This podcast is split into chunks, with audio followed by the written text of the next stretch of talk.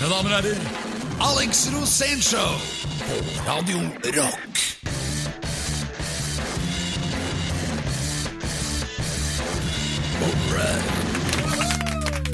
Og her er han, mannen som har gitt eh, mannlige dype følelser et ansikt i Norge. Vår egen lille lykkeklump, Alex Rosén. Velkommen. Tusen takk, Beir, og god morgen. Det er godt å se deg. Ja, Jeg ser, nå, jeg ser ikke så mye til deg bak de svære solbrillene, men men det har jo vært harde tak. du ser litt trøtt ut. Har Jeg har jo, det er julebord hver dag nå. Å ja, det er det, ja. Hver dag og hver natt. Så ja, og det varer jo til tidlige timer. Men Så morgenen for meg er kvelder nå. hvor seint ble det i går? Jeg har snudd døgnet. Jeg tror jeg var hjemme sånn halv fem, men jeg ble sittende oppe, vet du. Å ja. Å høre på sånne gamle råtne singler? Ja. og og da blei det jo langt Det ble, var jo lys før jeg går og la meg, for å si det sånn. Akkurat. Og så ringte vekkerklokka. Nå skal du møte Per. Nå er Radio Rock Alex Rosénshow! Ta deg på overkroppen og kom deg ned i byen! Fra den ene oppturen til den andre, rett og slett. ja, det er fantastisk å se deg nå, Pedro. Hvor flott du har blitt i løpet av denne jula. Ja, ja, jeg har lagt, lagt meg i selen for det. Men um, du, trener du mye nå, eller? ja, Jeg ser det. Ja, ja, du har fått det. mye tynnere fjes. ja, ja. Det er der det går først. Ja. Jeg Det, gått- det gått er jo sånn med sånn- menn. Menn kan jo holde på å trene i årevis. Blir aldri kvitt magen, vet du. Jeg har gått opp på sånn daddeldiett, skjønner du. Men, Daddeldiett! Det er veldig bra nå når det er jul. Jeg har fått sånn derre Sånn som bestemor spiste.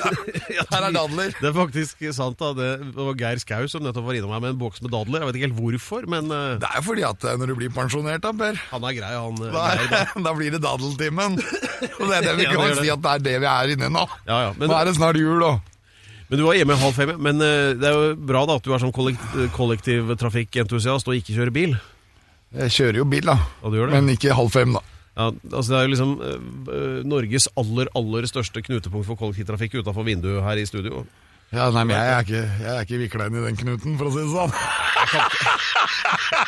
Ja, Sjøl kan jeg ikke bruke bilen, for alt jeg noensinne har kjøpt, ligger i bilen. Så det er ikke plass til meg lenger. Det er altså et par bøker og en ballongkasse med vinylplater og julepynt og Ja, du hagemøbler og Du vet at du skal behandle platene litt bra, Per. Ja, det er et lager. Dette er Alex Rosén, show på Radio Rock. Ja, Alex, eh, du vet hva som skjer om 14 dager cirka? Det er ikke julaften, nei. Nei, ikke helt, men eh, ja, snart da. Men da begynner det å gå mot eh, lysere tider igjen, vet du. Å ja, ja, det skjer rundt julaften, det. Ja, det er vel tre-fire dager før. 21, er det ikke 21.? Heter Hvordan ser kalenderåret ut, egentlig? Uh, det er mye det samme hvert år. Jeg lurer aldri hvordan du skal svare, da, Per. Men jeg prøver alltid å svare når du spør. Jeg veit. Det er så fint, men For du ser jo veldig bra ut nå. Ja, Det har du vært inne på. Men eh, eh, vi ble øh, Vi vi, vi ble avbrutt av denne Kids are not alright. vi, vi ble avbrutt av oss selv. Ja, vi gjør det.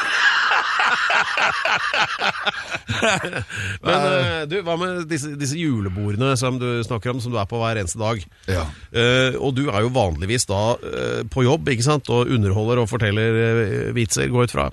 Eh, så du observerer jo det mer sånn, og husker kanskje mer enn deltakerne selv. da. Hva, er, er det der myten om sånn, eh, ba, bare bråk og fanteri og tafsing, er det stemmer den, eller? ja, jeg tror det. Det gjør det, ja. Jeg tror ikke det er noe håp. Det er mye tull på julebord. Ja, det er det, ja. Det morsomme er når disse ansatte skal hevne seg på sjefen. Oh, ja. Klokka halv to. Ok. Rett før baren stenger. Oh, ja. Nei, nei da, da, da, da, da, kan du, da kan du få skyven, rett og slett. ja Det er bra at du og jeg ikke har vært på samme julebord, Per. Da Nei, hadde nei. du fått sparken for lenge siden. Ja, for det er, nei, det er jo jeg som er Ja, men sjefen. Hver gang du drikker, du vet at du har jo ikke drikkekultur. Nei, jeg gir ikke det. Nei, Du blir jo alltid sånn søple... Nei, si litt bedugget, da. Det der, og der Det vi nettopp hørte der, det var, et, det var ikke et eksempel på å ka- kaste stein i glasshus. Det var kulestøt i telefonkiosk. Kulestøt i telefonboks! Kan Ja, tenke det, er, deg det er veldig moro å være, på, å være ute på byen med deg på julebord, da, Per. De gangene vi er Jeg tror ikke vi har vært på julebord sammen engang. jeg. jeg husker veldig godt når du får sånn fjes. Du får sånn fjes når, liksom, når det begynner å bli litt sent. Og kjærlighetsfjeset mitt. Ja, men det, Du vet ikke helt om det er kjærlighet eller hat. Ja, men jeg har installert sånn app nå som eh, så bare ser ned på telefonen, så leser kameraet fjeset mitt. Når jeg får kjærlighetsfjes, så ringer den etter taxi for meg. Så da er jeg liksom kvitt det problemet. Ja. For det, når det kjærlighetsfjeset er sånn at det vipper mellom kjærlighet og hat, da syns jeg du ser morsom ut. Da er du det er sånn nær, tilnærmingsvis meningsløs. Dette kjenner jeg meg ikke igjen i det hele tatt. Vi kan, jo, vi kan jo se litt på statistikken om hvem som pleier å havne i trøbbel, da. Ja, vi får se. Det det er vel ikke meg. Men eh, sånn er det. Du, eh, og ellers juleplanen er på plass. Gavene? Nei. Nei, skal komme med noen tips til deg snart. Hver lørdag fra klokken 16. Alex Rosén Show på Radio Rock. Alex Rosénshow, Radio Rock, og nå skal det smelle fra tak til kjeller her, for eh, dagens historie er, eh, og har overskriften 'Da Alex skulle sprenge litt etter innfallsmetoden med hjelp av TNT', eller hva det var for noe, i kjelleren sin hjemme eh, på, i ditt eget hus. Og eh, vi sier på forhånd at alle overlevde, men det var sannsynligvis med et nødskrik. Alex, hva var det som skjedde da du drev med de greiene der sånn? Hva sier du nå? Jeg- Hva skjedde da du skulle sprenge hjemme? Å ja. Nei, jeg skulle jo ikke sprenge. Jeg hadde jo kjøpt et nytt hus. Ja, Også det huset var jo veldig gammelt. Og så var det et sånt Det var bygd i 40 på 40-tallet, denne kjelleren, da. Og da var det bygd et sånt svømmebasseng der. Ja. Og det var derfor jeg kjøpte huset. Ja. Men det svømmebassenget hadde knelt på 70-tallet. Det, var- det var helt Det var helt ubrukelig. Og da, da skulle jeg ordne det, da. Så jeg begynte å lese bassengteori. Hvordan etablere svømmebasseng inni kåken. og det er veldig vanskelig. For da må du tenke uh, luft, vann og behandling av luft og vann. Og ikke minst, du må tenke rensing av vann. rensing av luft. Det er så mye, Per. At du hadde, hadde du hatt det, så hadde det da, da hadde knelt lenge før du hadde fått vann i bassenget. Alle vel heller stukket ned på Bislett bad og tatt en svømmetur der, tenker jeg. Men eh, ok. Ja, det var, det var veldig vanskelig. Ja. Og så måtte jeg ha et produksjonsrom, da, så at jeg måtte egentlig Kjelleren min var 1,80-1,90 høy, så du måtte Ja. gå litt sånn bøyd hele tida. Ja. Og så måtte jeg forlenge eh, den lengden. Ja. Jeg måtte ha 6,5 meter i takhøyde i kjelleren. Og så hadde jeg bare ren granitt. og det går ikke an å det går ikke an å fjerne det, da. Uten, først så prøvde jeg med trolldeig. Det er sånn der som du putter oppi hull. Du borer hull, og så putter du trolldeig oppi, og så skal det sprenge. Nei, Men det nei. er det dummeste jeg har sett! Det funker ikke i det hele tatt. Trolldeig? Ja, det er sånn, Eller trolleksplosjon. Eller, ja, det eksploderer ikke, da. Det imploderer fjellet. Så det blir enda verre å hakke ut. Og da fant vi ut at vi måtte bruke dynamitt. Ja. Og dette var innendørs, og det er veldig vanskelig å, å sprenge innendørs. Og og jeg hadde jo med meg uh, håndverkercrewet fra helvete. De kom jo aldri på jobb. Hver morgen måtte jeg kjøre og hente ting. ikke? Hvem er mora hans? til han rørleggeren. Og til slutt så får jeg dratt de ut, da. Og, og så samlet i en sånn gruppe sammen med han sprengneren, da, som var sånn dynamitt-Harry fra Olsenmann. Han var helt ute. Og så hadde vi da montert fengheter og alt. Og alt var liksom rekkepåsatt, da. Og vi hadde sømboret i kjelleren og alt, for nå skulle vi sprenge. Og da var det veldig viktig å ha at alle vinduene var oppe. For hvis vinduene var igjen, så kunne hele huset gå. Og dette var jo et nytt hus, det hadde jo kosta masse millioner. Og jeg var jo full av lån. Jeg kunne jo ikke bare latt sprenge det, jeg hadde ikke forsikra det engang. Så vi hang litt i en tynntråd, da. Idet jeg bare skrek 'varsko her'. Og så smalt det. Og, sånn- og så så jeg bare leieboeren, da, for jeg hadde jo, jeg hadde jo en polsk leieboer. Ja. Og så bare ser hun i det, i det trykkbølgen bare bo, bo, Så ser hun bare Går fra det ene rommet til det andre uten å gå. Du, hadde ikke. du hadde ikke sagt fra til henne at du skulle sprenge? Nei, og hun var gravid og med baby på armen. Så hun sto med armen, og så ble hun flyttet gjennom to rom. Og så tenkte jeg Fille, du må si fra at du er hjemme! Så jeg åpna døren og bare Du kan ikke være hjemme når jeg skal sprenge! Du ga henne skylda, Ja, ja. reaksjonen er jo raseri med en gang. Ja, ja. For her prøver jeg å gjøre ting på trygt vis. ja. Og så plutselig så bare dundrer hun gjennom, og, men hun overlevde da. Og så var det sånn at vi etterpå måtte vi bare fortelle henne når vi sprengte, sånn at vi hadde liksom en klar idé om det da. Det var nok en klok politikk. Men hver gang jeg sprengte, så ble det dobbelt så mye stein i kjelleren. Fordi at eh, det ble liksom stein overalt. da. Det ble jo aldri ferdig med kjelleren. To og et halvt år tok det å tømme. For 190 tonn stein med bare nevene. Ja.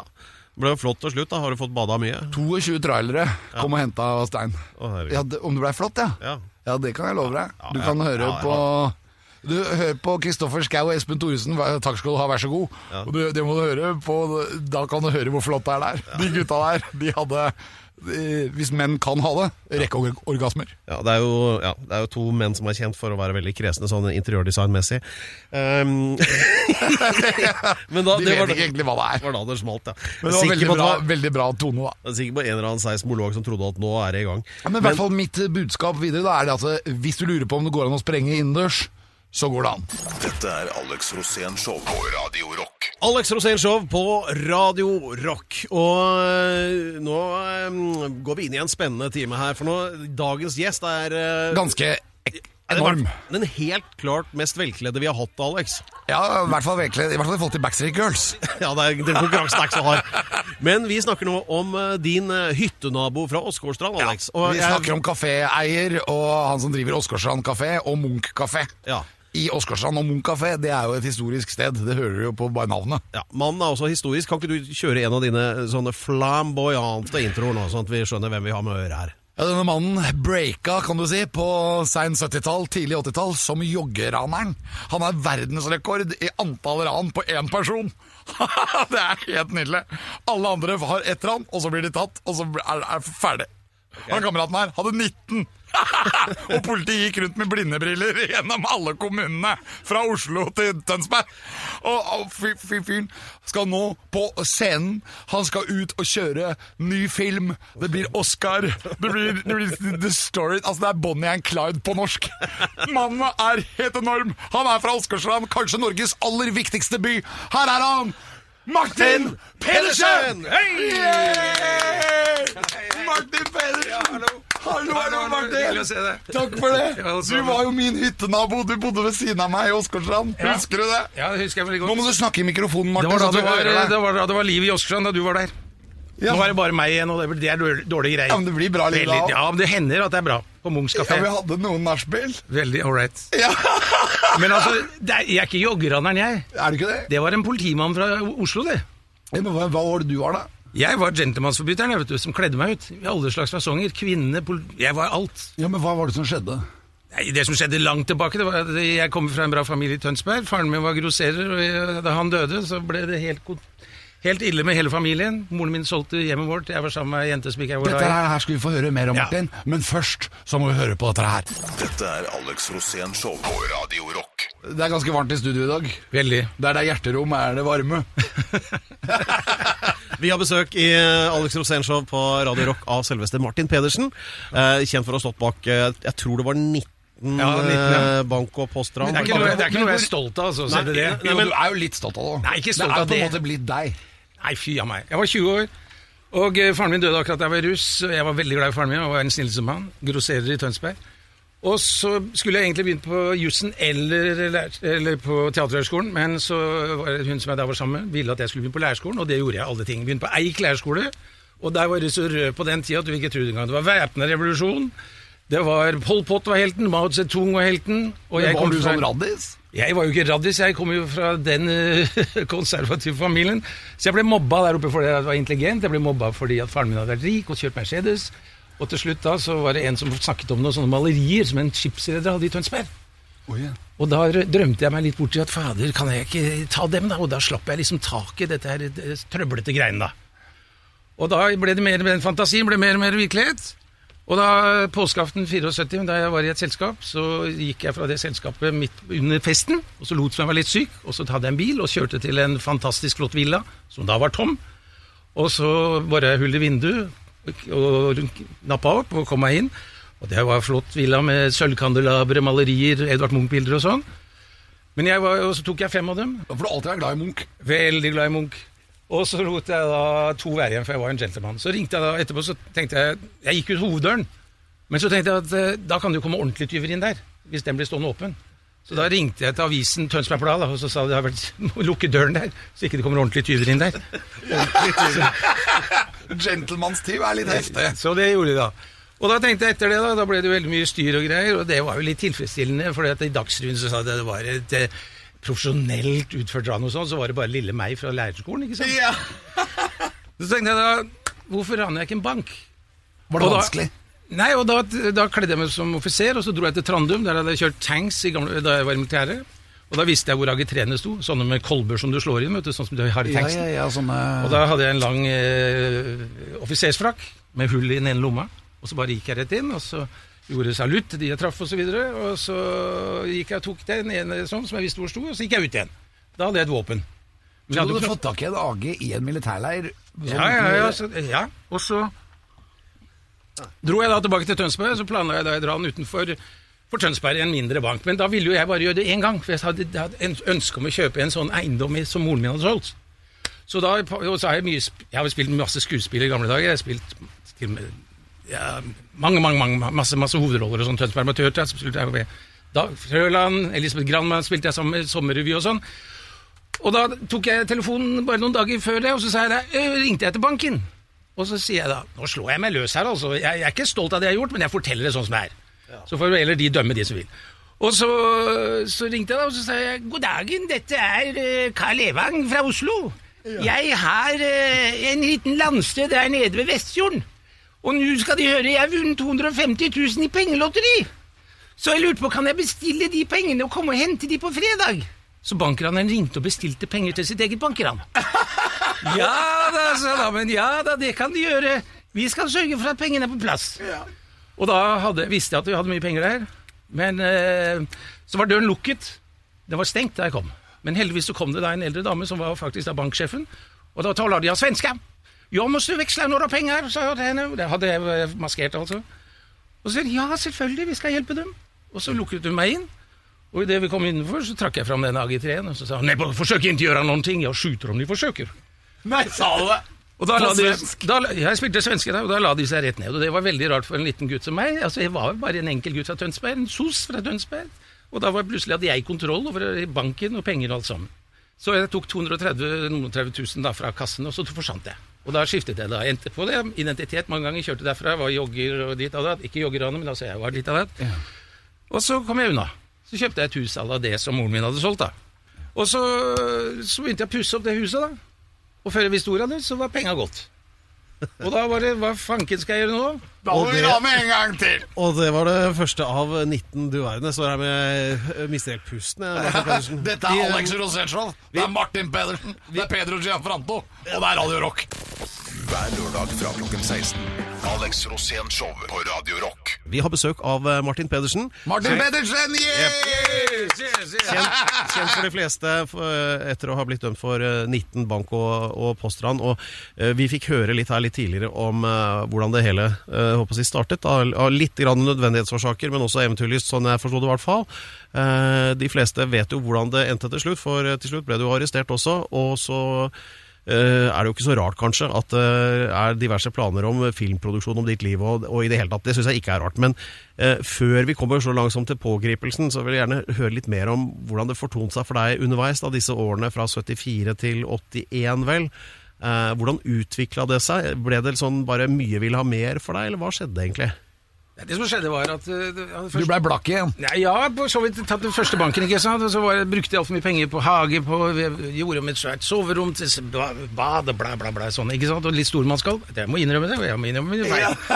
Gullkraner og ditt og datt. Det kostet penger, det, vet du. Og så ble det da Nå var ikke mer penger igjen. og Hva skulle jeg gjøre? Ikke hadde jeg jobb, ikke jobbet jeg som lærer, og folk trodde at jeg var kunsthandler.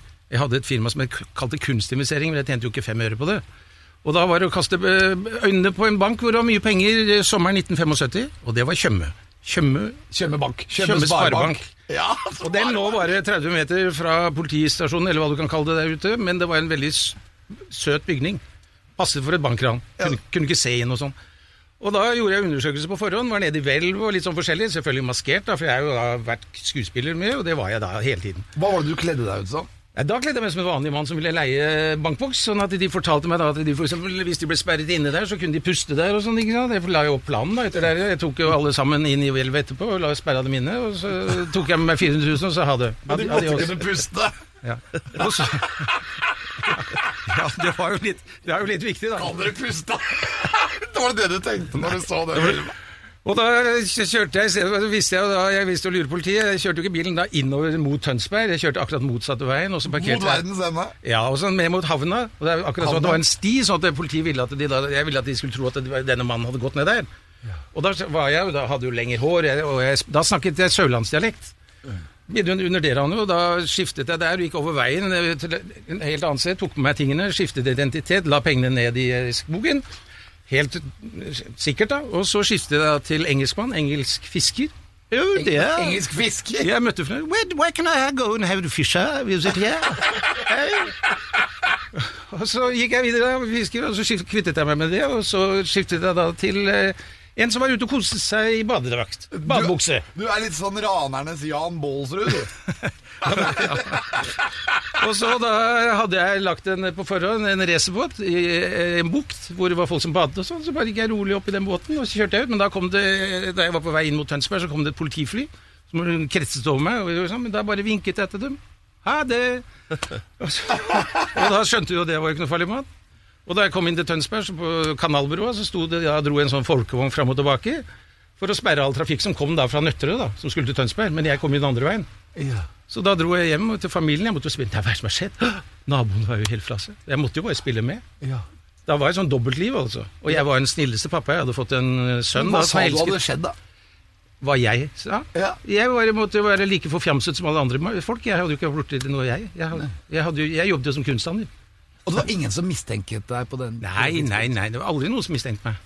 Ja, det er for, helt utrolig. For meg så høres det nesten ut som du levde i en sånn forestilling. Altså at det var liksom skuespiller ved det hele. Når, når jeg først hadde bestemt meg for å rane bank, da, så brukte jeg det. Jeg hadde intelligens, altså masse psykologi. Jeg kan fortelle, hvis jeg skal foregripe Men det var spennende. Ja, det er klart det, det var spennende, selvfølgelig var det spennende, men det kunne bli litt for spennende nå. Det blir ganske mye adrenalin. Det som i hvert fall var veldig spennende, det var da jeg var tolv år gammel og bodde i Drammen i 1980. Da skjedde det virkelig store. Det året spilte både Frank Zappa og Kiss i Drammenshallen, men det var ikke det alle snakka om. Det de snakka om, var Drammensranet, hvor vel samlet ti millioner forsvant. Det skal vi snart få høre mer om. Eh, jeg gleder meg i hvert fall. Følg med på Alex Rosén Show på Radio Rock. Dette er Alex Rosén Show på Radio Rock. Alex Rosénshow og Radio Rock, og alt er større i Drammen, som vi vet. Også bankran. Eh, for de som husker tilbake til 1980, så var det jo eh, på alles lepper.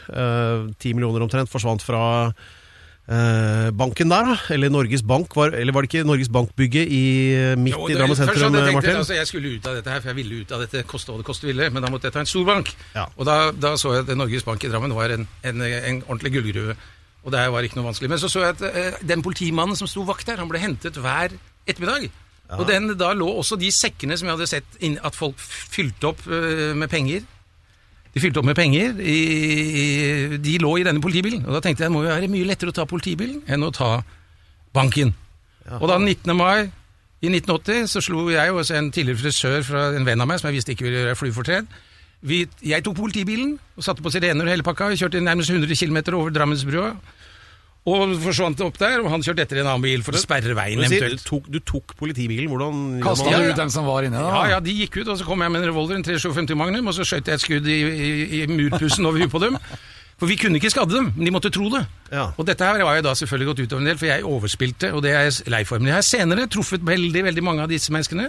Jeg gikk ut til Se og Hør en gang og sa at jeg kan treffe dere hvis dere vil, og de har gitt både klem og det hele. Og jeg kan fortelle deg, bare foregripe historien. Jeg driver nå Munchs kafé i Oskersand. Da var det plutselig en dag for noen år siden, så var det en dame, eh, noen som satt der, de kom fra Eidsvoll, og der ante jeg banken i 79 for ca. 400 000. Så sitter det en dame med ryggen til, så kommer jeg inn fra Sommerhagen, og så ser hun meg, og så kommer hun bort til meg og sier Er du Martin Pedersen? Ja, jeg kan ikke nekte for det, da, sier jeg. Ja, sist jeg traff deg, så pekte du på meg med en revolver. Nå vil jeg en klem. Så Poenget mitt er at det går an å bli tilgitt, og det er utrolig stort. og Derfor er jeg åpen om disse tingene. Og jeg har truffet så mange av disse. Jeg har til og med vært jurist for en av de banksjefene jeg rana den gang. Men hvor mye cash fikk du med deg fra Drammen, da? Det, altså det var 10,5 millioner kroner inklusiv, eh, inklusiv eh, sjekker. Hadde du dem i lomma, eller? Ja. Det var jo svære sekker med KJ 19 hundrelapper, og det var 35 000 hundrelapper, husker jeg. Men så måtte jeg gjøre disse pengene på en eller annen måte levelige, da, sånn at ingen- jeg ikke kunne bli tatt. Så kledde jeg meg ut som prest, med, som skikkelig, og så hadde jeg krigsrop og Bibelen liggende oppå hattehylla bak. Og inni bilen overalt så var det penger. Og så kjørte jeg til Sveits, til Zürich. Og så gikk jeg fra bank til bank og vekslet disse her. og Det gikk veldig greit. Og så ble du tatt. Nei, jeg ble ikke tatt. Men vi må få høre hvordan det endte. Ja, så, så bare for å høre, for det, det jeg gjorde var veldig smart. Jeg tok da og, og, og dro til Liechtenstein, jeg prater brukbart fransk og tysk også, så dro jeg til Liechtenstein og fikk da, han som var direktør for banken Liechtenstein, etter syv besøk, så åpnet vi et firma som het Kunsthandlung und Finansierung, AG, som lå i Verdut, som var hovedstaden. Og jeg hadde da på den tiden et galleri i Tønsberg som het Galleri Athene, og da ansatte jeg meg selv som kunstekspert i det firmaet. Altså Kunsthandlung und Finansierung. For det rimet jo. Og så søkte jeg Norges Bank, den samme banken som jeg hadde stjålet alle pengene fra, om jeg kunne få lov å låne fem millioner kroner av det firmaet, og da sa de ja. Det fikk jeg skriftlig. Og så kom pengene tilbake på lovlig måte til Norge, og da sto eh, sjefen for DNB han sto med hæ- hælene sammen og sa 'Deres penger er kommet, herr Pedersen. Deres penger er kommet'. Da kunne jeg kjøpe forretningsgård og komme ut av det. Men da hadde jeg gått som meg selv og vekslet der nede, og da var det en politi Dette var jo to år etter ranet. Og da var det en politimann i, i Drammen som het Egil Saurød, som da insisterte på å få gjenåpne saken. Så dro de til Sveits. Så fikk de da laget en sånn fantom, eh, fantomtegning, som ble publisert i VG og Dagbladet. Og det kunne like gjerne vært Alex Rosén den gangen, kanskje.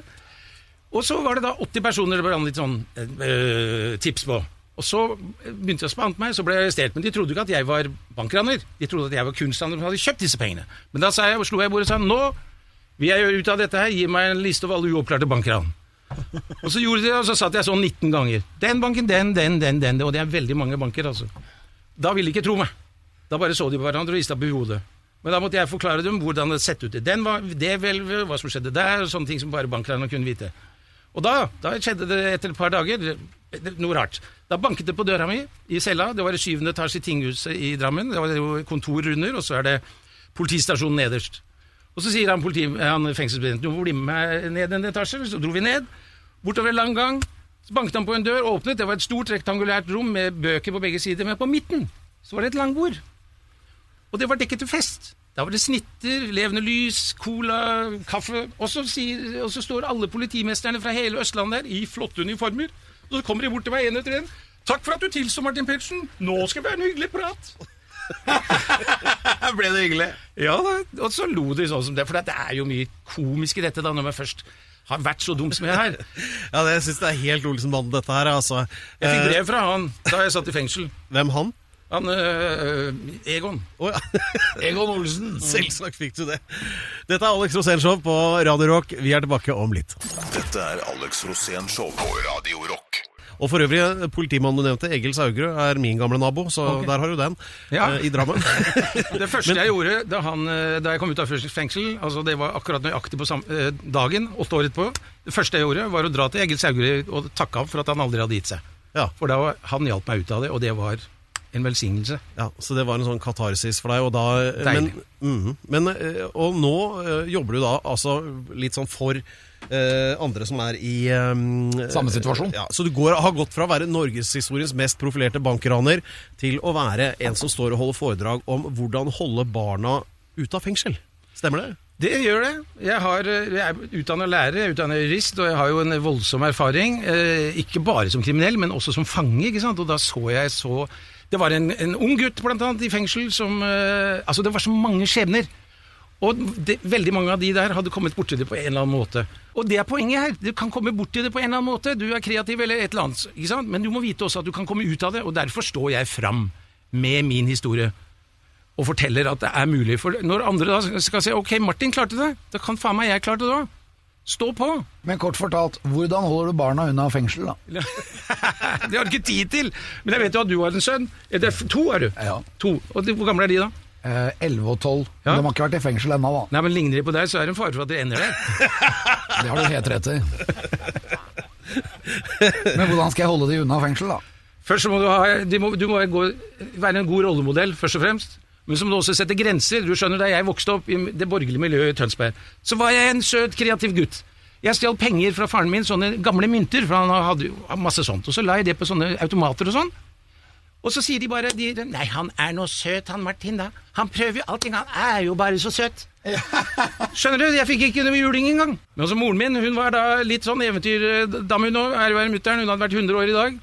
Men i hvert fall, hun elsket, og vi kjørte rundt da med Mercedesen ut i skogen og for å plukke ved til peisen vår, da, for da følte hun liksom at hun gjorde noe. Men så hendte det at hun kjørte forbi en sånn stabel som bøndene hadde satt opp, og da sa hun Du Odd, kan vi ikke ta litt derfra, da? Og det er klart, altså, det er ikke noe god. Det var greit å ta litt. Nei, men altså Gode rollemodeller er viktig, ja. Nei, det er, det høres jo litt sånn ut som eh, det, Jeg tror Alex misforsto det kurset om å holde barn ute av fengsel. Altså hvordan de skal komme unna med ting. Det var ikke det han mente, Alex. Hver lørdag fra klokken 16. Alex Rosén Show på Radio Rock. Hallo, da er vi her inne med Martin Pedersen, og det har jo skjedd mye. Du har jo prata mye nå, Martin. Masse, men jeg er Jeg er en pratemaskin. Ja, ja, du, men det er bare å sette Intelligente på. mennesker er sånn, skjønner du. Ja, Men når du drev og ranet, pratet du like mye da? Jeg hadde jo gjennomgått dette, det var jo teaterforestilling nærmest da. Men jeg er, ikke den, jeg var, er jo ikke den mannen jeg var da jeg ranet banker. Det er ikke meg. Jeg er seriøs som bare rakkeren. Du har forandret personlighet underveis. Ja, men altså, jeg levde et dobbeltliv. Dobbeltliv, ikke sant? Altså, jeg var en god far. Jeg har aldri sagt et stygt ord til noen, men jeg skal fortelle, sønnen min han stjal noen penger fra grisen sin en gang, da jeg var, da jeg var den gangen, og så, så ble jeg arrestert, og første gang han kom i fengsel, da, så sier han til meg, du pappa, hvorfor, hvordan kunne du eh, gi meg husarrest to timer når du har Anna, nei, stjålet millioner selv da? Jeg stjal bare to kroner, jeg. Hva sier, du, hva sier du da? Ja, hva sa du? Nei, jeg vet ikke hva jeg sa. Jeg jeg ble så paff at jeg glemte det. Mine damer og herrer, dette er Martin Pedersen på Radio Rock, Alex Rosenshov. Pedro, det er ferdig for denne gang. Ja.